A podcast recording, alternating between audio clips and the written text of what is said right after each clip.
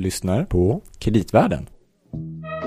You know, with the food and rent going up daily, man, it's becoming a day-to-day hassle just to survive. You see, inflation and taxation has taken over our great nation.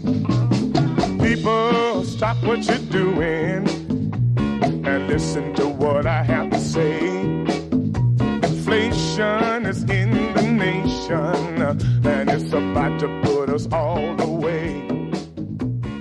Hallå Gabriel! Hej Louie! Det var en sån här grym inledning igen. Ja, verkligen. Och den här, du vet den här låten, Ja. den har en liten historia bakom sig som jag nästan tycker man borde berätta. ja, men börja med den då innan. Ja, för att till att börja med så vill jag då tack, tacka Fredrik Wamne som till vardags sitter på Riksgälden, för det var faktiskt han som tipsade om den här låten. Så tack så mycket Fredrik. Jo, men saken är den, den heter ju då Inflation. Det kanske man kan förstå nästan. Hörde det? Mm. Och då var det så här att den spelades in, jag tror att det var 1975. Mhm. Och som mycket annat som är bra så gjordes det i New Orleans. Men då var det så här, det var ett band då. En, sångaren heter Ernest Jackson och bandet heter Sugar Daddy and the Gumbo Roo. Wow. Ja, och det var många i det här bandet som sedermera gick vidare och gjorde musikkarriär. Nästan alla, förutom sångaren. Ja, Ernest alltså. Ja. Och han, tror jag, började jobba på något café.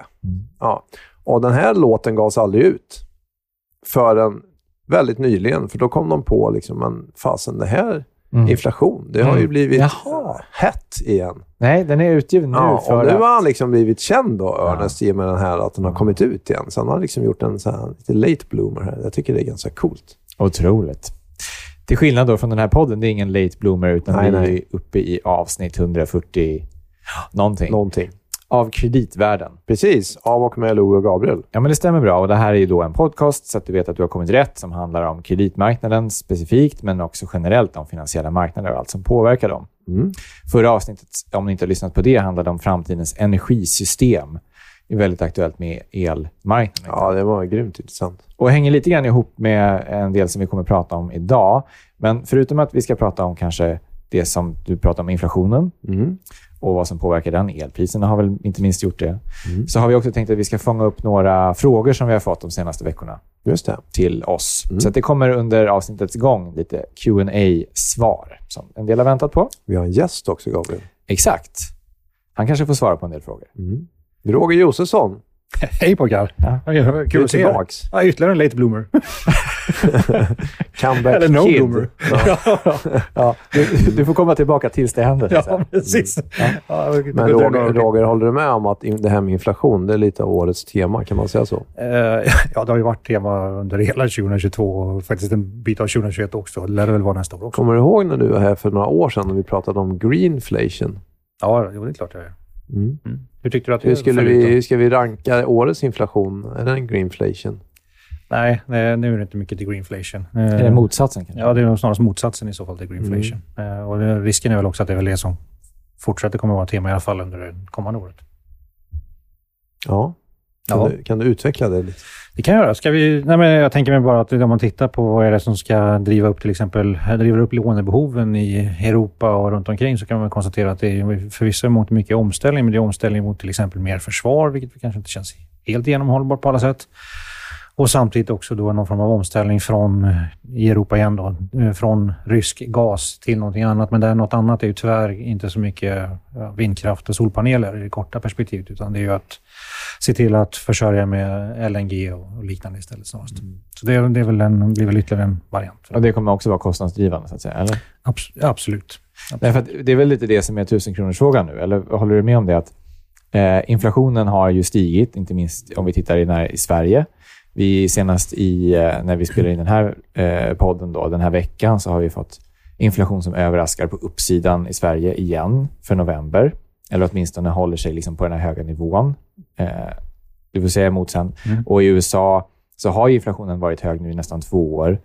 Men möjligen då att man såg en tendens till att den kom ut lite lägre än man hade väntat sig. Alltså är vi, liksom, har vi nått liksom, inflation, peak inflation för den här cykeln? Eller vart är vi på väg? Liksom? Ehm, vi, alltså jag, jag, tror att gemens, jag tror att alla nästan som sitter och analyserar det här just nu och nästan oavsett vad man tror om räntan och inflationen på lite sikt tror nog ändå att vi är på någon form av peak inflation i nu eller i, i någon absolut närtid. Men, eh, men den intressanta frågan det är ju snarast att vad är det som driver inflationen? Och ska man vara lite krass då så kan man konstatera att ja, det är ju förvisso så att mycket av de här energi och matpriser och så vidare som har drivit upp inflationen till de här nivåerna eh, och en del andra saker också, kommer att falla ut under det kommande året. Även om de ligger stilla så bidrar de ju då negativt till inflationen. Och det innebär ju att headline-inflation som vi pratar om, eller KPI eller KPIF i Sverige och så vidare, den kommer säkert gå ner. Men sen har vi ju då olika kärnmått där man då tar bort energi och mat och sådär. Och räntor kanske? Och räntor också, ja, precis. Och där kan, man, där kan man väl mycket väl tänka sig att inflationen förblir hög och kanske till och med om man tittar på sådana här, vad ska man kalla det, liksom riktiga kärnmått, där man tittar mer på tjänstepriser, att de faktiskt kan stiga ytterligare då, givet att arbetsmarknaden är fortsatt stram och löneökningarna fortsätter att accelerera. Men jag tänker, kan det även finnas en laggeffekt? Om vi säger att du är något tjänsteföretag än någon annan, och sen, eller att du importerar så har haft svag krona och fått jättehöga kostnadsökningar och då kanske du har lagt på så mycket på priset som du tycker att konsumenten tål. Men att egentligen så måste du öka dina priser mer, men du gör det liksom portionerar ut lite grann. Så kan det eh. finnas liksom en naturlig att även nästa år så kommer man, de kommer vara tvungna att höja 10% till för att Absolut. Jag tror att, ja, men ett, ett, ett, eller tror i alla fall ett bra exempel skulle väl kunna vara fastighetsägare som mm. har hyresfastigheter. Mm. Eh, alltså inte, inte kommersiella för, eh, hyresfastigheter man har affärer och sånt, utan mer mm. för för, för hyresgäster. Och där kan man bara tänka sig att man har en mer, eh, att man liksom inte kan eller kommer att höja med så mycket som egentligen krävs givet hur kostnadsläget har förändrats under det gångna året. Utan kanske också mm. måste portionera ut det här under överskådlig framtid. Eh, och sen det ju, finns det en fråga till i det här och det är liksom vems Alltså hur ska man dela på den här extra kostnaden? Mm. Mm. För det är också en viktig, viktig del. Jag tror att man får någonstans kanske ta just ett steg tillbaka och säga så här, hur, var kommer inflationen ifrån? Och för mig handlar det mycket om att vi har fått väldigt många såna här, relativprischocker. Det vill säga vissa specifika grupper av varor och tjänster, kanske också i viss mån, har stigit väldigt kraftigt i pris. Och då ska andra, både då länder och sektorer, anpassa sig till det här. Och eftersom mycket av det är drivet just av energipriser så kan vi bara konstatera att ja, det är klart att eh, e- oljeexporterande eller energiexporterande länder mår väldigt, väldigt bra medan icke-exporterande eller energiexporterande länder mår mindre bra i ett sånt här läge. Mm. Så det är väl den första chocken. Men som sagt, sen kommer det även saker på det. Bland annat har vi gått igenom en period där det varit svårt att få tag på eh, halvledare och liknande också. Så, det. så, det, så det är en, en, en räcka av såna här relativprischocker som vi nu måste justera oss till. Och det, det är en sån grej som jag tror vi kommer få brottas med under det kommande året. Så inflationen kan nog bryta ut liksom på lite olika och kanske lite oväntade ställen också. Och det är väl det som Riksbanken är mest orolig för? Yes. Eller liksom att de här laggeffekterna kommer och inte minst kanske att löne eh, löneanspråken ökar för att möta de här generella prisökningarna, eller liksom de här priserna som man har mött från vissa delar av ekonomin. Och Det är väl därför man har höjt räntan. Mm. Ja, Nej, men, men räntan har i sig inte haft någon effekt på de faktorer som nu har höjt priserna. Nej.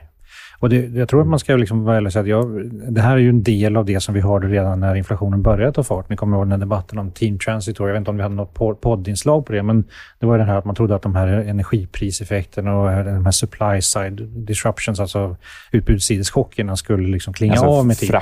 Fraktproblem och ja, Kina, produktionsstopp nej, och allt sånt. Ja. ja det, det, skulle klinga av efterhand. Liksom. Och det har det ju förvisso gjort, men det är fortfarande så att vi har rätt så hög inflation. Eh, och, och till och med ännu högre inflation. Och då ska man, ju någonstans börja fundera på var kommer den ifrån? Och jag tycker att det är rätt intressant att i Europa och kanske i synnerhet i Sverige så ser vi att den här så kallade kärninflationen är ju väl så hög som den är i till exempel USA. Och, och det är för mig... Men vad kommer det av? För löneökningen har inte varit så stor, eller hur? Eller? Nej, alltså vi ser, här ser vi att det är på flera sektorer, men här skulle jag tro att de så kallade indirekta effekterna är, är en stor del av det. Det vill säga att uh, energipriser är ju en del av den kostnadsmassa som företag som producerar, inte vet jag, kläder, leksaker eller vad det var för någonting. Eh, också, uh, passar bra i juletider, mm. uh, också, också drabbats av kostnadsökningar. Ja, mm. precis. Så, så, vilket i sin tur då har spett på inflationen. Så det, jag tror det är den, snarare den delen som har, som har stigit mest. Och Det är också en sån här ny grej, apropå att man kanske ska vara nu faller ju inte det av mig naturligt, som ni vet, man var lite ödmjuk i de här sammanhangen.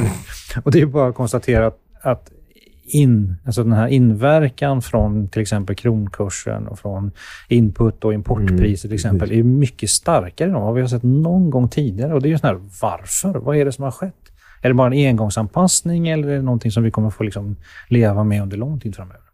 Men vad då? Är, kronan har ju försvagats jättemycket, så det är väl inte konstigt att det har en stor påverkan? Eller hur menar du? Eh, nej, men om man, om man tittar på hur det brukar se ut, liksom, Mm. vad, är, vad är så kallat betat från kronkursen in på importerad inflation? Ja, att man inte brukar kompensera sig Nej. i nästa led. Precis, Nej. men den här gången gör man det och i väldigt Mm. hög utsträckning. Och det Eh, kanske är för att det är så mycket press från alla håll. Ja, det är ju lite grann det som jag också funderar över och tror någonstans att det faktiskt är. Och jag, så jag, jag, jag, jag vill hamna någonstans som vanligt, på säga, i mitten av de här två extremerna. För min, mitt intryck är att det finns väldigt, det är två tydliga läger. Och det ena läget de säger att det här är övergående. Om ett halvår, ett år så kommer vi ha låg inflation igen, låga räntor och allt är tillbaka till, till, till det vanliga igen. Och det kanske, det kanske blir så. Och det andra läget är att säga nej, men det är något helt annat och vi är tillbaka till 70-talet igen och inflationstrycket är nu liksom permanentat. Och så. Där är jag väl inte heller riktigt om jag ska vara ärlig, för trots allt har det ju skett en del förändringar sedan 70-talet. Bland annat just Riksbanken och inflationsmålspolitik och massa sådana saker. Så, så någonstans i mitten hamnar jag, men, men det gör det inte så där jätteenkelt att navigera. Det var intressant du sa det där med 70-talet, för att vi fick faktiskt en av våra lyssnarfrågor var om du har du någon tids, tidigare tidsperiod som du tycker nuvarande påminner om 40-talet, 70-talet? Ehm, nej, jag tycker inte att det finns något så här jättebra liksom, eh, jämförelse egentligen. Jag tror att man får titta lite grann på olika delar. Det man kan konstatera det är att eh, även inflationen under 70-talet kan faktiskt vara lite problematisk att använda sig av som jämförelsepunkt. För jag, jag, jag tittar bland annat med en snubbe som heter Jeremy Rudd. Jag brukar alltid säga Paul Rudd, ni vet han, den här skådespelaren. Det brukar aldrig bli något bra. Men Jeremy Rudd heter han. Det är han som gör prognoser för inflation på Fed, Federal Reserve. Just det. Med. Och han har gjort, eh, skrivit ett par papper som jag tycker är superintressant och bland annat pekar han på, ja i, ett, i det teoretiska ramverket som ligger till grund för inflationsmålspolitiken, då är ju inflationsförväntningarnas liksom, högsta fokus. Och är de stabila så är allting bra och det är de ju nu. Problemet är bara, säger Jeremy Rudd i den här, i den här rapporten, då, att ja, men det var inte det som drev inflationen på 70-talet heller. Det går liksom inte att hitta någon typ av förklaringsgrad från, eh, från inflationsförväntningarna in i inflation. Det var inte därifrån det kom. Alltså inflationsspiralen under 70-talet kom inte av att folk justerade sina förväntningar på inflationen. Det är Precis. Det är svårt att, se, det är svårt att hitta liksom någon form av i alla fall statistiskt eller ekonometriskt samband. det var dyr olja liksom? Ja, och, och det kanske är någonting man får lära sig. När, när, de här, när, när priserna, prisförändringarna blir tillräckligt stora, ja, då blir de signifikanta och någonting som vi märker och då kanske vi också Mm. börjar vilja justera oss. Det kanske är så enkelt. Liksom. Och det, då skulle man Ibland faktiskt kan ju centralbanker krångla till saker. Ja, och i, och i det här fallet är, är, kan det ju vara så. Men det, å andra sidan så just det här, det här ramverket är ju, är ju väldigt elegant helt enkelt. Eh, Så det är ju väldigt, det är väldigt lätt tycker jag att tycka om det ramverket vi har. Och det är också svårt att hitta, tycker jag, något väldigt bra alternativ. Men apropå tidigare tidsperioder. Mm. eh, det finns ju en tidsperiod när man hade flera år av eh, liksom, expansiv penningpolitik. Och då, det var ju 20-talet Mm. som slutade med kraschen. Mhm. Du ser inte den parallellen? Eh, Alla år med gratis pengar som nu är över och så vidare. Ökande skuldsättning, är det det du tänker på? kanske? Ja, precis. eh, alltså om vi tar tidiga 20-talet, alltså innan den stora alltså Global Financial 00 Crisis. till 08. Ja. Eh, tycker jag är- var väl ändå liksom någon form av slutfas egentligen av 90 90-talet. Liksom. Det var ändå ganska bra liksom, eh, samhällsekonomiska förutsättningar i övrigt. Vi hade hög produktivitet, hög tillväxt och så vidare.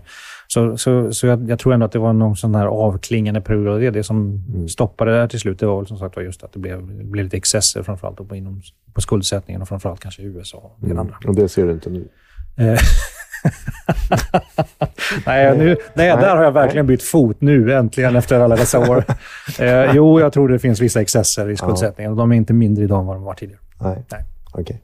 Men, men, så att, men bara för att hitta, det här med att hitta, jag tror, det, jag tror liksom det här med att dra, man försöka dra massa historiska paralleller, det är det jag är ute efter. Det är kanske inte liksom det man framförallt ska göra utan nu får man nog faktiskt själv fundera på vad är det som är liksom en vettig förklaringsmodell för det vi ser nu kontra mot vad vi har eh, erfarenheter av tidigare. Men det är ganska intressant ändå att reflektera över vad det kan ha för effekter på alltså både inflation men också andra, andra alltså, eh, konjunkturen. Eh, både från inflationen men också då av att Riksbanken och alla centralbanker har höjt räntorna för att möta inflationsspiralen. Då. Mm. Eller den befarade inflationsspiralen. Och givet att vi är då ganska skuldsatta i många delar av ekonomin och i många delar av världen hur påverkar då, eh, hur kommer liksom ekonomin klara av ett högre ränteläge givet den här skuldsättningen? Uh, nej men, alltså, det, det du, jag antar du frågar efter lite grann räntekänsligheten. Ja, det var ju en fråga, eller hur? Från en Mm. lyssnare. Och, och räntekänsligheten är ju förstås mycket högre. Eh, och det har ju, jag, menar, jag tycker man får ta utgångspunkt för lite grann för vad Riksbanken säger och tycker och tänker och gör. Och här har de ju varit ganska tydliga med att räntekänsligheten i svensk ekonomi är betydligt högre idag på grund av den höga skuldsättningen. Så varje eh, räntehöjning, oavsett hur stor den är, kommer att bita hårdare så att säga på konjunkturen. Eh, och det, där, där, det har jag väl liksom inga... Det tycker jag väl verkar vara en ganska rimlig eh, utgångspunkt. Just det, så om vi tar det först. Då, liksom, I svensk ekonomi så är hushållen till exempel då, väldigt högt skuldsatta. Mhm. Och, det och eftersom hushållen generellt sett konsumerar ganska mycket av sin lön eller liksom, eh, sin disponibel inkomst. Och nu minskar den då till följd av att räntan stiger väldigt kraftigt eftersom många är skuldsatta. Eh, som vanligt så är det tyvärr inte riktigt så enkelt. För jag skulle nästan vilja säga tvärtom. Mhm. Alltså, alltså sparkvoten i svensk ekonomi är faktiskt ganska, eller hushållens sparkvot, är ganska hög. Och har varit hög under lång tid. Men mycket av det är ju tvingande sparande. Inlåst sparande via olika pensionsformer och så vidare. När man däremot tittar på någon form av frivilligt sparande, tror jag det brukar kallas för finansiellt sparande, så är det, det är däremot ganska lågt. Eh, och faktum är att, eh, och det var, har varit en liten sån där eh, pet peeve of mine under det här senaste året, har väl varit också att när man då tittar på de förväntade räntehöjningarna och någon del av dem har ju faktiskt redan materialiserats, så kan man konstatera att höjer de Riksbanken räntan ungefär så som det har förväntats på finansiella marknader, då försvinner hela det finansiella sparandet och blir till och med negativt. Vilket innebär att man liksom eh, rent aritmetiskt helt enkelt inte kan konsumera mer, utan måste konsumera mindre. Och därmed blir transmissionsmekanismen väldigt direkt Ja, i svensk ekonomi. absolut. Är det mer så än i andra länder?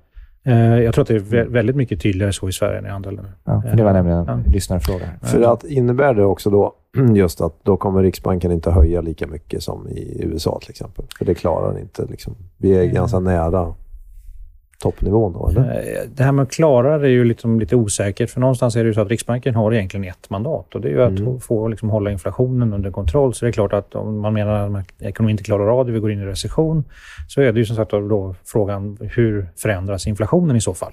För det är klart att är det, är det så att vi går in i recession och inflation, lönerna ligger fortsatt relativt högt och inflationstrycket är fortsatt högt, ja då har ju inte Riksbanken något alternativ. Då ska de ju ligga kvar med höga räntor eller i värsta fall kanske till och med ännu då skulle man också kunna fråga, är det vettigt att de har så ensidigt mandat? Eller tolkar sitt mandat så ensidigt? För mig låter det lite knäppt. Ehm, Är det här också en lyssnarfråga, Lo? Eller? Nej, Nej, det, den, kändes, den kändes mer som en personlig eh, Ja, utgångspunkt. För, personlig, ja, eh, precis. reflektion. Ja, ja, precis. Över de senaste 20 åren. Ja. Precis. Eh, nej, men... Uh, um, Man skulle kunna tänka sig ett bredare policymandat, finansiell stabilitet. För att någonstans kan det bli så att man riskerar väldigt mycket genom att alltså, trycka på med sitt Absolut. KPIF. Det här tror jag vi, du och jag har pratat om i alla sammanhang, du, Louis, genom alla år vi har träffat varandra. Men så här, eh, det är klart att... Har vi eh, landat i någon Nej, slutsats? det har vi inte gjort. Det kommer inte göra nu heller, är jag rädd. Men, men jag tror, om man bara ska göra det lite ko- kortfattat, så kan man säga så här. Eh, personligen så håller jag väl med dig i viss mån. Att de, man kanske har tolkat det kanske lite för enögt, det här inflationsmandatet. Men det är ju så att Riksbanken, framförallt tidigare, hade ett ganska tydligt stabilitetsmandat. Och då är det här lean against the wind-diskussionen som man hade fram till egentligen finanskrisen. Och därefter har det ju förändrats då. Och nu har man liksom helt och hållet enögt fokuserat på inflationen. Det har inte gjort det bättre om man ska vara riktigt, riktigt ärlig. Eh, men ett av problemen här är ju att många av de här... Mm, eh, Riksbanken har ju att hantera också konjunkturcykeln. Alltså det är så tanken är. Det är stabiliseringspolitiken. Problemet här är att här har vi en underliggande utveckling som beror också på att ränteläget generellt under 20-30 år har fallit tillbaka. Och då är frågan hur mycket av det liksom är långsiktigt hållbart och hur mycket ska det då liksom resultera i form av ökad skuldsättning. Och man kan väl konstatera att skuldsättningen är ju väldigt hög i Sverige. Jag tror av utvecklade länder är det vi och Norge typ som har högst av alla om man tar det och Så mäter man räknar ihop sätt. eh, staten och eh, offentlig sektor och företag Nej. och hushåll. Nej, framförallt, nej, nu pratar jag bara om hushållssektorn. Ja. Eh, men privat sektor generellt är, ganska hög också i Sverige beroende på att vi faktiskt har ganska många industribolag också. Just det. Men, Men brukar där- man säga å andra sidan så är offentlig sektor väldigt lågt skuldsatt. precis. Eller åtminstone staten. Ja, staten är, är väldigt lågt skuldsatt i Sverige och det är ju liksom en, en, en trygghet i den här diskussionen. Men det är klart att eh, det är väl inte helt omöjligt att vi hamnar i ett läge när staten helt enkelt måste gripa in och hjälpa till eh, med att lösa ut en del av företag och hushåll som fallerar i en, i en, i en, eh, i en krisperiod. Och vilket kommer driva upp skuldsättningen även i, även i statlig sektor. Det har vi ju sett. Det här är inte, liksom, det här är inte första gången det har skett, utan det har gjorts ett antal studier som visar just på det, att statens skuld brukar ju komma, eller öka med lagg från, från privata skulder. Och det ligger väl, ligger väl rimligtvis i den här, i den här förklaringen, eller ligger det ju också i det här förstås. Att när, när, när, man kollaps, när skuld, skulden och skuldberget kollapsar i privat sektor, då måste en del av det bäras av staten istället. Mm. Jag vet inte vad vi kom fram till det, men jag noterade att du sa att du gav mig delvis rätt i alla fall. ja, nej, men, ja, men, ja, men det, är så, det är så himla lätt att säga att allting är fel och Riksbanken gör allting fel. Men, men samtidigt, de har ju, de har ju mm. trots allt ett tydligt mandat. Och menar, mm. Man kan också fråga sig, ja, om de inte då agerar på det mandatet när ja, det har de ingenting. Ja, då är frågan, vad, vad ska, vi, vad ska vi i så fall använda det Eller vad gör Riksbanken i så fall? Frågan är om är Riksbankens roll att lösa alla problem i svensk ekonomisk Nej. politik? Eller finns det andra aktörer som kanske också borde gripa in och ta ett ansvar? Ja, det ju... Tycker Riksbanken. Ty tycker Riksbanken, men jag tycka att det är en helt obefogad Nej. hållning. Att Nej. Finanspolitiken har ju liksom inte betett sig utifrån sitt, något stabiliseringspolitiskt mandat de senaste tio åren, utan det har varit en ganska enögd fokus på att undvika 90-talskrisen igen. Ja, alltså, det finns ju otroligt mycket att säga. Nu, nu kan jag tro att de flesta noterar, jag tyckte jag såg en artikel bara häromdagen i tidningen också om det, att nu noterar ju de, de flesta att nu kanske det finns någon form av lucka där vi, vi kan tänka oss att göra en del såna här strukturella reformer som kommer kosta en hel del. Jag tänker på energi, transmissionssystem och eh, energinergysystem etc. I, Sverige. Och det låter ju jättebra. Problemet är bara att det här har vi nu gafflat om i tio års tid, att det har aldrig mm. varit ett bättre läge. Och just nu är det, om man ska vara riktigt ärlig, inte ett så bra läge. För nu har ju faktiskt räntorna, även på statens upplåning, kommit upp.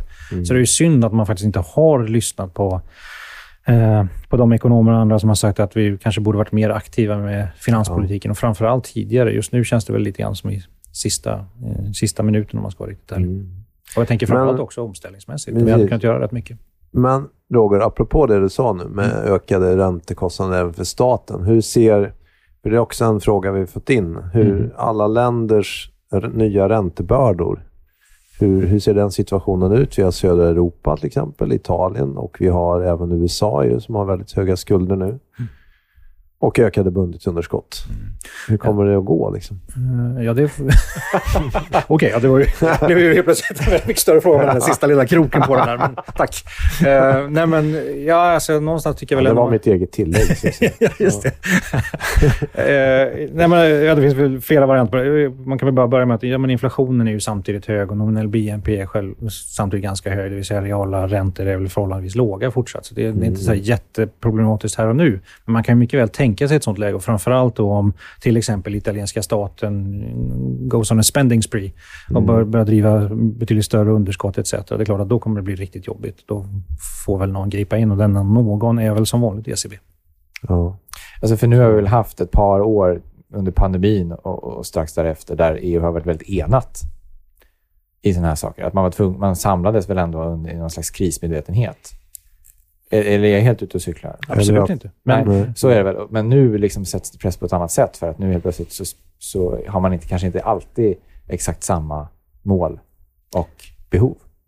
Nej, nej, absolut inte. Och som sagt, dessutom är det så att en del länder som fortfarande behöver någon form av finanspolitisk konsolidering, som till exempel Italien, det, det, kostar ju oerhört mycket och de som drabbas hårdast blir som vanligt de som har det sämst redan. Eh, de fattiga. Och det gäller ju oavsett om man tittar på rika Norden eller liksom längst ner i Italien eller Grekland. Eh, det är alltid de fattiga som drabbas och det är väl det som också gör mig lite orolig. För i det ligger det finns det ju också en politisk eh, diskussion som handlar, ja men vi har ju val med jämna mellanrum i Europa. Eh, och man kan ju fundera på vad det kommer resultera i. Italien. Vi har nyss haft ett i Italien som resulterade i just det man kunde vara rädd för, nämligen att vi får mer och mer såna populistiska och extremvarianter som lovar guld och gröna skogar, men kanske inte kan ja, inte kan leverera helt enkelt på de löften. Men USA då? Bara för, mm. Jag känner inte riktigt att vi fick svar på exakt... Alltså, har, man har ju alltid pratat om att USAs skuldbörda ökar och budgetunderskotten sväller. Mm. Och, eh, men eh, det är väl... Och nu är ju räntorna såklart höga på amerikanska statsobligationer, men det är också för att styrräntan är väldigt hög där och mm, inflationen precis. har varit hög. Är det någon som är orolig för USAs soliditet? Eh, här och nu, inte alls skulle jag vilja säga. Det finns väl inga som helst tecken på det. Och fram till för en månad sedan i alla fall så har ju också dollarn varit extremt stark, vilket jag har varit, tycker jag snarast ett kvitto för. Man tror väldigt mycket på, på amerikanska ekonomi. Det har liksom inte bara handlat om räntehöjningar, utan det har också handlat om att man varit väldigt orolig för resten av världen. Eh, man men har känt sig mer trygg med att placera i amerikanska eh, tillgångar helt enkelt. Men den här nu, vi kommer tillbaka till den här energikrisen som väl då är allvarligast i Europa. Mm. Uh, och uh, Ska man vara rädd för, för nu vet vi att de här stora liksom, paketet, eller vad man ska kalla det för, i USA, man pratar ju mycket om att de vill, liksom, det är lite protektionistiskt, satsa på sin egen industri i energiomställningen. Och ska man vara orolig för till exempel avindustrialisering av Tyskland? På grund av liksom, att nu är det många, alltså man pratar om kemiindustrin, äh, kommer att flytta ut till Kina eller USA och liknande för att det här är, de kostar för mycket. Med, nej, men jag, jag, men, igen, otroligt berättigad fråga. Det är bara att konstatera att det är väldigt många som tänker så här, ja men eh, Tyskland och Europa, därmed Europa får man väl säga, har varit enormt beroende av billig rysk energi för att liksom mm. kunna bedriva sin egen verksamhet och det läget kommer i princip aldrig komma tillbaks. Det vill säga den här tyska affärsmodellen, om man ska kalla det, mm. är död. Eh, och det kan väl ligga en del i det, men för, för mig har det liksom också varit den här liksom, silver lining på alla de här diskussionerna har varit att ja, men, eh, nästan de, de flesta av de här icke-fossila energislagen är fortfarande billigare. Så marginalkostnaden för att tillverka energi med solkraft och vindkraft är oftast lägre än med gas, olja eh, och kärnkraft. Vilket innebär att om vi nu gör en massa djupa investeringar i till exempel den här energiomställningen så skulle vi då kunna skapa fortsatt billig energi som dessutom är grön, vilket som vi, alltså om man nu ska tänka väldigt mm. dynamiskt, också tänker sig att man kan faktiskt utveckla en helt ny industri som man också kan använda sig av för att exportera till till exempel USA. Det kan man ju, men det här låter som att det kommer att ta ett tag, för här och nu så ju, finns ju inte den energikällan. Så att säga. Det kommer att ta x antal år innan ja. Det kommer. Precis, ja, men, och det, var, det var därför jag sa att det är silver lining. Men, mm. att, men att därmed helt döma ut liksom, här, tysk industri, det, det, tycker jag kanske går för långt. Men det är klart mm. att vissa, och framförallt de här de tyngst energiberoende, de kommer ju få, få enormt tufft många av dem kommer att flytta ut. Och jag såg faktiskt någon, eh, någon analys på det som visade att i förhållande till, jag tror vilket var ganska grovt mot, i förhållande till BNP så är, ju, är det faktiskt nettofinansiella flöden från eh, Tyskland in i USA övertrumfar de till exempel från Kina in i, in i USA. Och Det tycker jag, mm. alltså efter covid och efter alla dessa eh, handelshinder som nu har rest. Så det måste ju rimligtvis ha att göra med att um, tyska företag ser att det kommer vara långsiktigt mer förmånligt att producera till exempel då i kemiindustrin i USA snarare än i Tyskland. Mm. Så, så, vi ser redan vissa tecken på det där faktiskt. Mm. Ja. Spännande. Det här är nästan en helt egen ja. eh, podd i tillfälle. Liksom. Framtiden för eh, fram, han, framtida handelsmönster. Mm. Mm. Men, det, men det finns, samtidigt kan jag tycka att det finns något i det här narrativet också. Man liksom glömmer bort det i Europa. För nu är det, så, det blir så mycket fokus liksom på att allting går åt helsike. Men någonstans får man också fundera på vad är det som kan gå, gå rätt och vad behöver vi göra? Och det måste någon, någonstans föras fram, framförallt om vi ska få till stånd någon form av liksom, ja, omställning. Ja, du menar man måste ha en positiv vision? Du måste ha en vision. Precis, inte bara ha en vision. gräva ner sig i det negativa. Nej, och, och, och, inte bara reagera på den senast uppkomna krisen. Utan nej, liksom... precis. Utan tänka hur löser vi det här långsiktigt? För det är just mm. det som har fattats. Det vi pratade om förut, där med vi har 10-15 år bakom oss när vi har haft extremt låga räntor, när den här energikrisen som vi nu har skulle kunna ha avvärjts. Mm. Om vi hade gjort rätt investeringar och tänkt rätt från början. Mm. Uh, att säga att ja, men nu är det så akut och säga, därför ska vi inte göra det här igen. Det blir, liksom, det blir dubbelfel mm. för mig. Så därför tycker jag att det är viktigt att ändå lyfta upp det här. Och inte bara säga att ja, det är fem, tio år. Jo, men vi måste faktiskt börja planera på det. Framför allt från den finanspolitiska sidan. Mm. Strukturpolitik. Mm. Wow. Eh, jag tänkte innan vi börjar avrunda så, där, så det, om man, eh, det är ändå en podd om finansiella marknader. Mm. Och, eh, Avrunda? Vi har, ju har precis kommit hit ja. Roger börjar precis komma igång här. ja, jag märker det. Ja, vi kan fortsätta, vi får se. Men eh, vi, eh, om man tittar lite grann på, jag menar, det är ju många av våra eh, lyssnare som också är intresserade av hur eh, olika finansiella instrument och du går på olika marknader. Och, mm. eh, räntorna har ju gått upp ganska mycket. Mm. Det har vi pratat om. Mm. Eh, delvis eh, mycket till följd av centralbankernas agerande. Och Det har ju slagit mot eh, till exempel räntefonder eller olika, de som investerar i ränteinstrument. Mer än kanske man brukar se under ett mm. normalt år. Mm. Um, så då, men om man tittar på svenska marknaden, då, som kanske en del är intresserade av, så ser man att om man tittar på en genomsnittlig eh, aktiefond eh, man kan ju titta på index och sånt där, men om vi tittar på hur det har gått liksom, för de, så ligger det på minus 15 till 20 procent Mm. för de flesta hittills i år. Mm. Så det är ganska tufft. Ja. Ehm, och tittar man på eh, företagsobligationsfonder, Mm. LOI, Mm. så ligger det minus 1, 2, 3 procent. Mm. Även om där är såklart, det skiljer sig väldigt mycket åt vilken, vad man investerar Ja, i för precis. typ av papper. och allt. det. Men det är ganska stor skillnad däremellan. Mm. Eh, så att räntorna har ju gått upp, men jag antar att företagsobligationsfonderna kanske har klarat sig bättre också för att mycket ligger i så rörlig ränta och när Stibor ökar så får man ju mer avkastning Mm. löpande. och sånt. Mm. Hur ska man tänka framåt nu om man... Eh, liksom vilket, tillgångs, vilket tillgångslag är mest utsatt i den här miljön av kanske peak-inflationen? Mm. Ska jag börja? Mm. Ja, är jag, eh, jag, jag, jag, tror- jag tror fortsatt att, att eh, aktiemarknaden kommer eh, tycka att det här är en ganska tuff miljö. Eh, och del, dels på grund av att vi inte riktigt vet hur inflationsnedgången kommer att se ut. Jag skulle gissa att den blir ganska långdragen. Alltså det är huvudsakligen för mig just nu att den blir ganska långdragen. Den går ner, men det tar lång tid. Det vill säga ränteläget kommer att vara fortsatt högt. Mm. Eh, kan komma ner, men fortsatt högt. Och vi kommer inte komma tillbaka till det vi såg eh, precis innan covid-utbrottet, med negativa räntor och starka, stora QE-program. Det tror jag är liksom ett... Eh, det kan återkomma väldigt, väldigt sporadiskt. Får jag fråga en grej då? Ja, självklart. Eh, innebär det, och givet det vi har pratat om, inflationsmålet som Riksbanken har. Det finns ju sådana här alternativscenarier som Riksbanken brukar Yes. visa. Är du, tror du att det skulle kunna materialiseras? Det vill säga att vad heter det, räntan kommer att höjas betydligt mer eh, än vad marknaden tror för att inflationen kommer att vara seg och komma ner, så att säga. Eh, jag tror, det finns två frågeställningar i det, Louis. Den första är ju vad kan den så kallade för terminal rate, peak rate, eller vad man ska kalla det. Ska, kan den komma upp? Ja, visst kan den göra det. Eh, det beror ju helt och hållet, tycker jag, på liksom de kommande inflationsutfallen, säg ett halvår framöver. Men, men det är faktiskt inte det jag tycker är mest intressant. Utan det mest intressanta det är ju, biter sig inflationen fast? Ja, precis. För huruvida energi, men det vet vi ju sedan liksom urminnes tider, eh, att energipriser går upp och ned och det gör också den komponenten i KPI. Men den här så kallade kärninflationsmåtten, de går väldigt sällan ned i nivå, vilket är en, en, en ganska viktig poäng här. För det är klart att som hushåll så kan jag tänka på, men jag tittar på kärninflationen, går upp och ner, men kärn, eller med headline inflation, den går upp och ner. Men kärninflationen, det är ju en prisnivåskift på någonstans mellan 10 och 20 procent. Att motverka det med löneökningar om 3-4 procent räcker helt enkelt inte.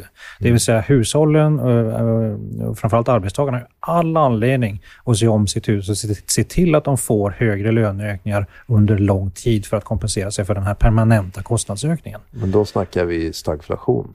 Eh, Då snack, time, ja, någon, någonting som liknar stagflation definitivt och det är inte en bra miljö för aktier. Det låter ju riktigt obehagligt, Roger. Ja, men ni känner mig. Det, det ska alltid sluta på det sättet när vi har de här poddarna. Ja, nu börjar jag känna igen det faktiskt. Ja. Ja, nej, men okej. Så då är, och- men då innebär det att du är rätt allvarlig för att den här recessionen kan bli också väldigt djup, så att säga. Eh, Eller? det, ja, den kan bli djup och, den, men, och igen då framförallt långdragen. Och jag, Ja. jag tänker mig också att vissa sektorer kommer drabbas oerhört hårt. Eh, Mm. eh, så, Till exempel. ja, men hela fastighetsbyggbranschen kommer väl Mhm. ha det otroligt tufft i en sån här miljö förstås. Men eh, det är väl... Du ser, du ser inte sådär jätteförvånad ut, Louis. Ja, Har du någon annan synvinkel? intressant att få, få det bekräftat bara. Ja. Ja, det, det sa jag inte om.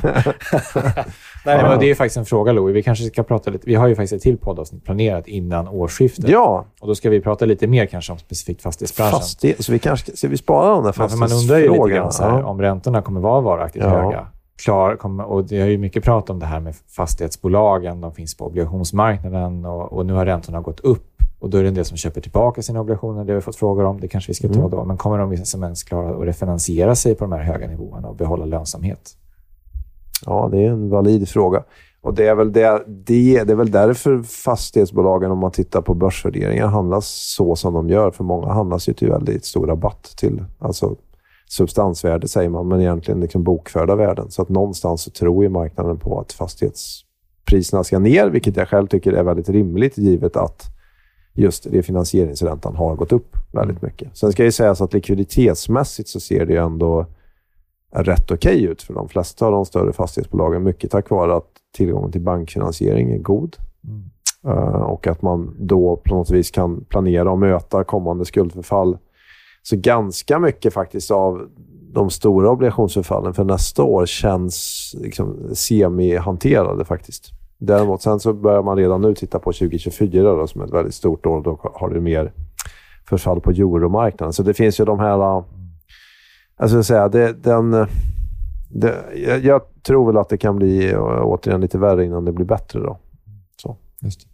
Men det här med, med, med referenser tycker jag är rätt intressant ändå. För menar, man kan ju tänka sig att bankerna finns, och jag tänker inte utifrån just ett danskt bankperspektiv, utan jag tänker från ett generellt bankperspektiv. Samtidigt måste det finnas ganska tydliga regler och ramar för ja, hur mycket fastighetsfinansiering en bank kan ta på, eller bankerna Nej, men kan jag, ta på sig. Det är en väldigt bra poäng, för jag, det ska man väl säga. De, man kan nog brygga en del förfall och det är precis så som bolagen har gjort. Och det är jättebra för det ger dem tid, men i slutändan måste de också få ner sin skuldsättning för att stabilisera sin om man säger kreditprofil för att de kommer att behöva också hämta pengar från obligationsmarknaden. För det är för stora volymer. Vi pratar om över 700 miljarder kronor som finns i obligationer och hela den volymen kan inte jag se kommer att finnas i bank, hos bankerna. Utan det här måste vara en mix av att man gör kanske en del hos banken, eh, ordnar till sin balansräkning lite och sen kan man igen låna till någon, någon ränta på obligationsmarknaden.